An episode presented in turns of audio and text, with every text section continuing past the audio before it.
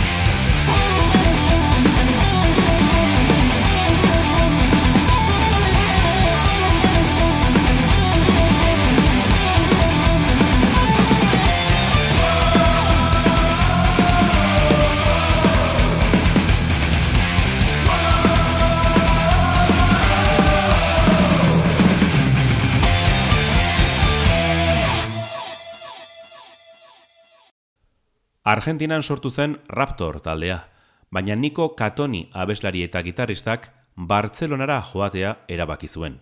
Europan ametsak egia bihurtzea gustatuko litzaiokela adirezi zion This is Metal aldizkariari. Uztailaren hogeita bederatzean Blackfire bigarren diskua kaleratu zuten eta heavy metal klasiko ilunaren zaleek gozatuko dute. Raptor, Prisoner of the Night.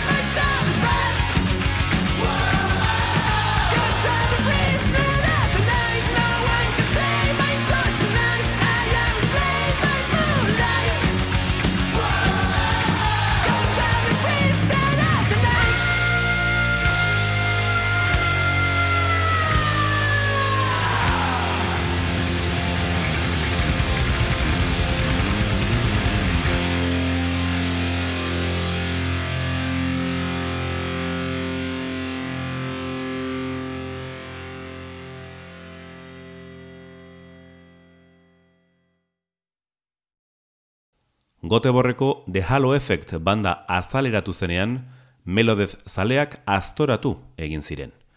Niklas Engelin In Flames oiak sustatu zuen, eta beste lau musikari oi batu zitzaizkion. Peter Rivers, Jesper Stromblatt, Daniel Svensson eta Michael Stein. Abuztuaren amabian, Days of the Lost estrainekoa plazaratu zuten, eta aurreikuspenak bete dituztela esan genezake. The Halo Effect, Feel What I Believe.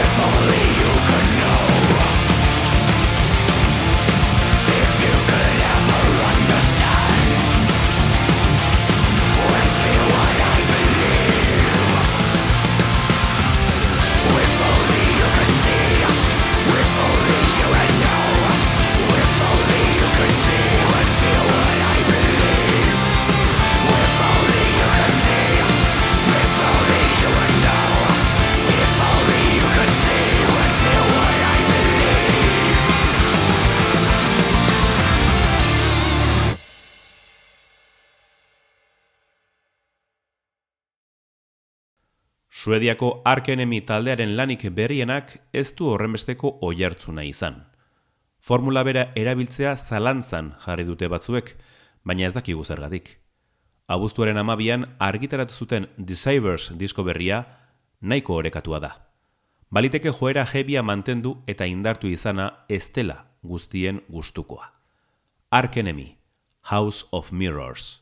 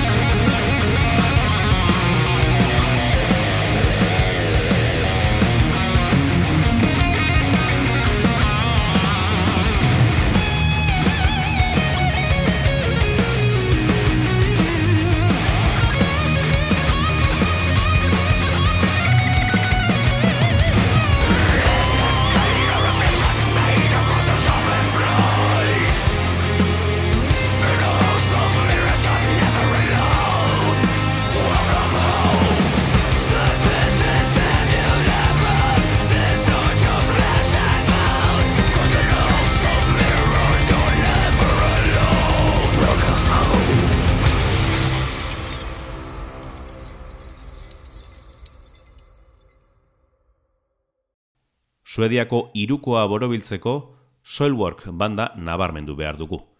Batez ere beraien ibilbideko disko bereziena kaleratu dutelako. Abuztuaren emeretzian askatu zuten Overgiven Heten lanberria. Askok espero ez zituzten single batzuk aurreratu ondoren. Melodez oinarritik eraiki dutena zoragarria da. Faltan botako dugu David Anderson gitarra jotzaile zendu berria. Soilwork, is it in your darkness?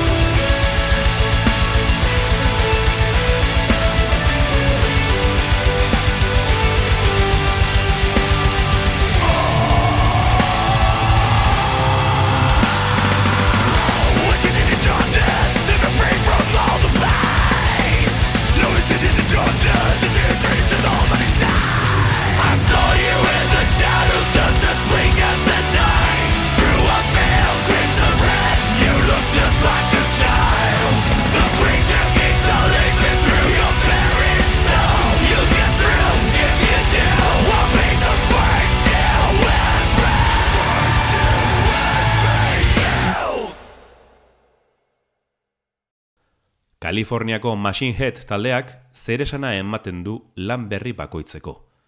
Rob Flynn maite eta gorrotu duten klubak parean daude. Abuztuaren hogeita seian plazaratu zuten Of Kingdom and Crown disko kontzeptual berria. Gorri koloreko etorkizun distopiko bat eraiki dute, metalzale klasiko eta modernoekin bat egiteko. Machine Head, Shook on the Ashes of Your Hate.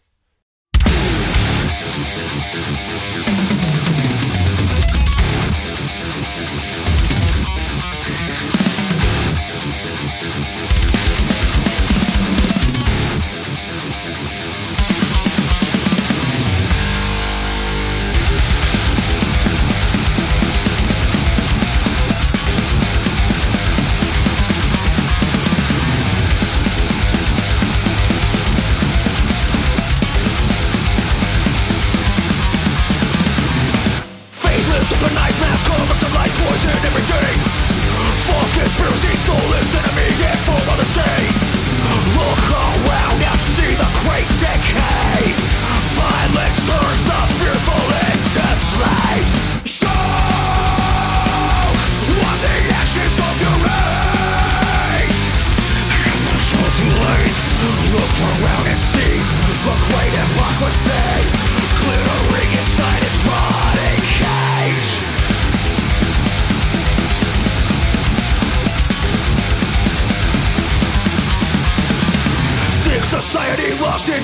pain, now slowly die.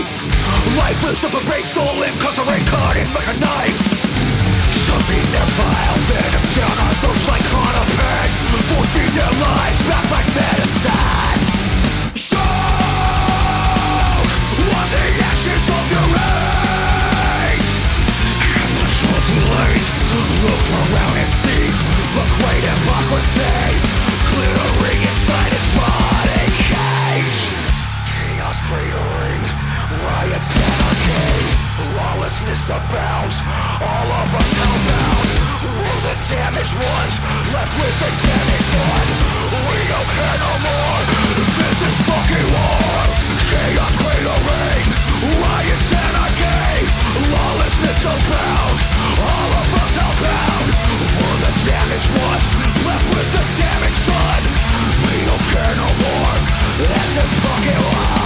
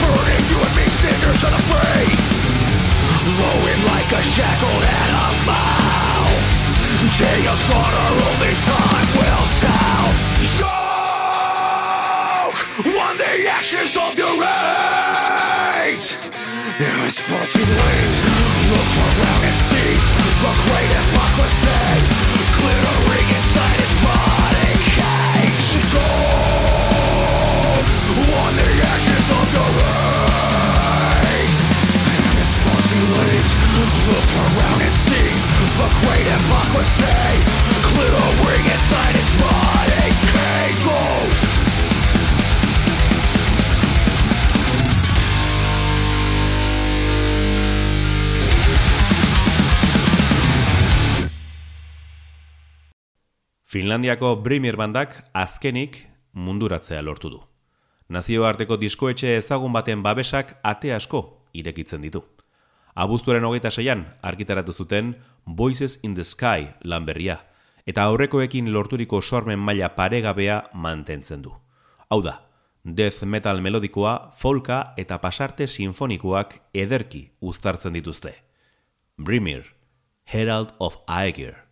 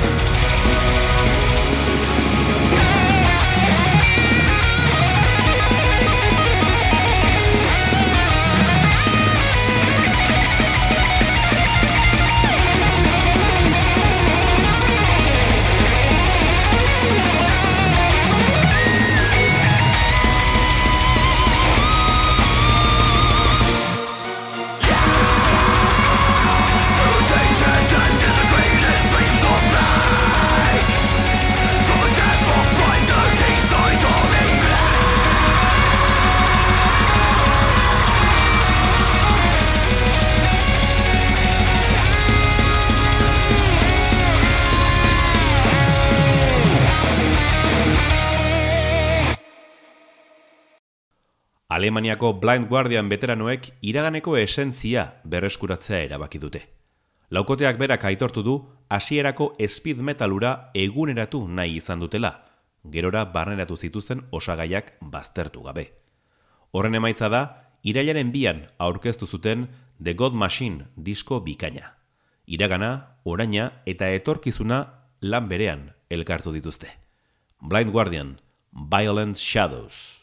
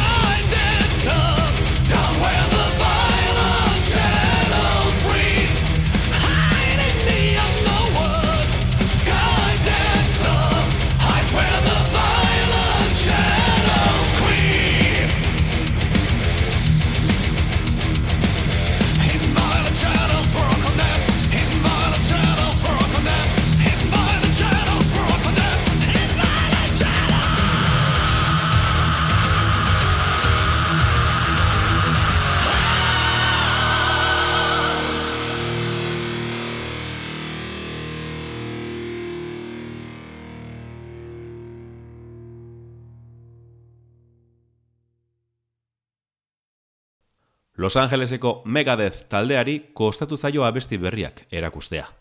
Dave Mustaine jaunak nahieran darama bere enpresa, eta atzerapenak zein kaleratzeak pilatu ditu. Dave Ellefson kanporatuta aurrera egin dute. Irailaren bian argitaratu zuten The Sick, The Dying and The Dead disko berria. Izenburuak aspaldiko formula bat gogora dakar, eta baita abesti sorta onak ere. Megadeth will be back.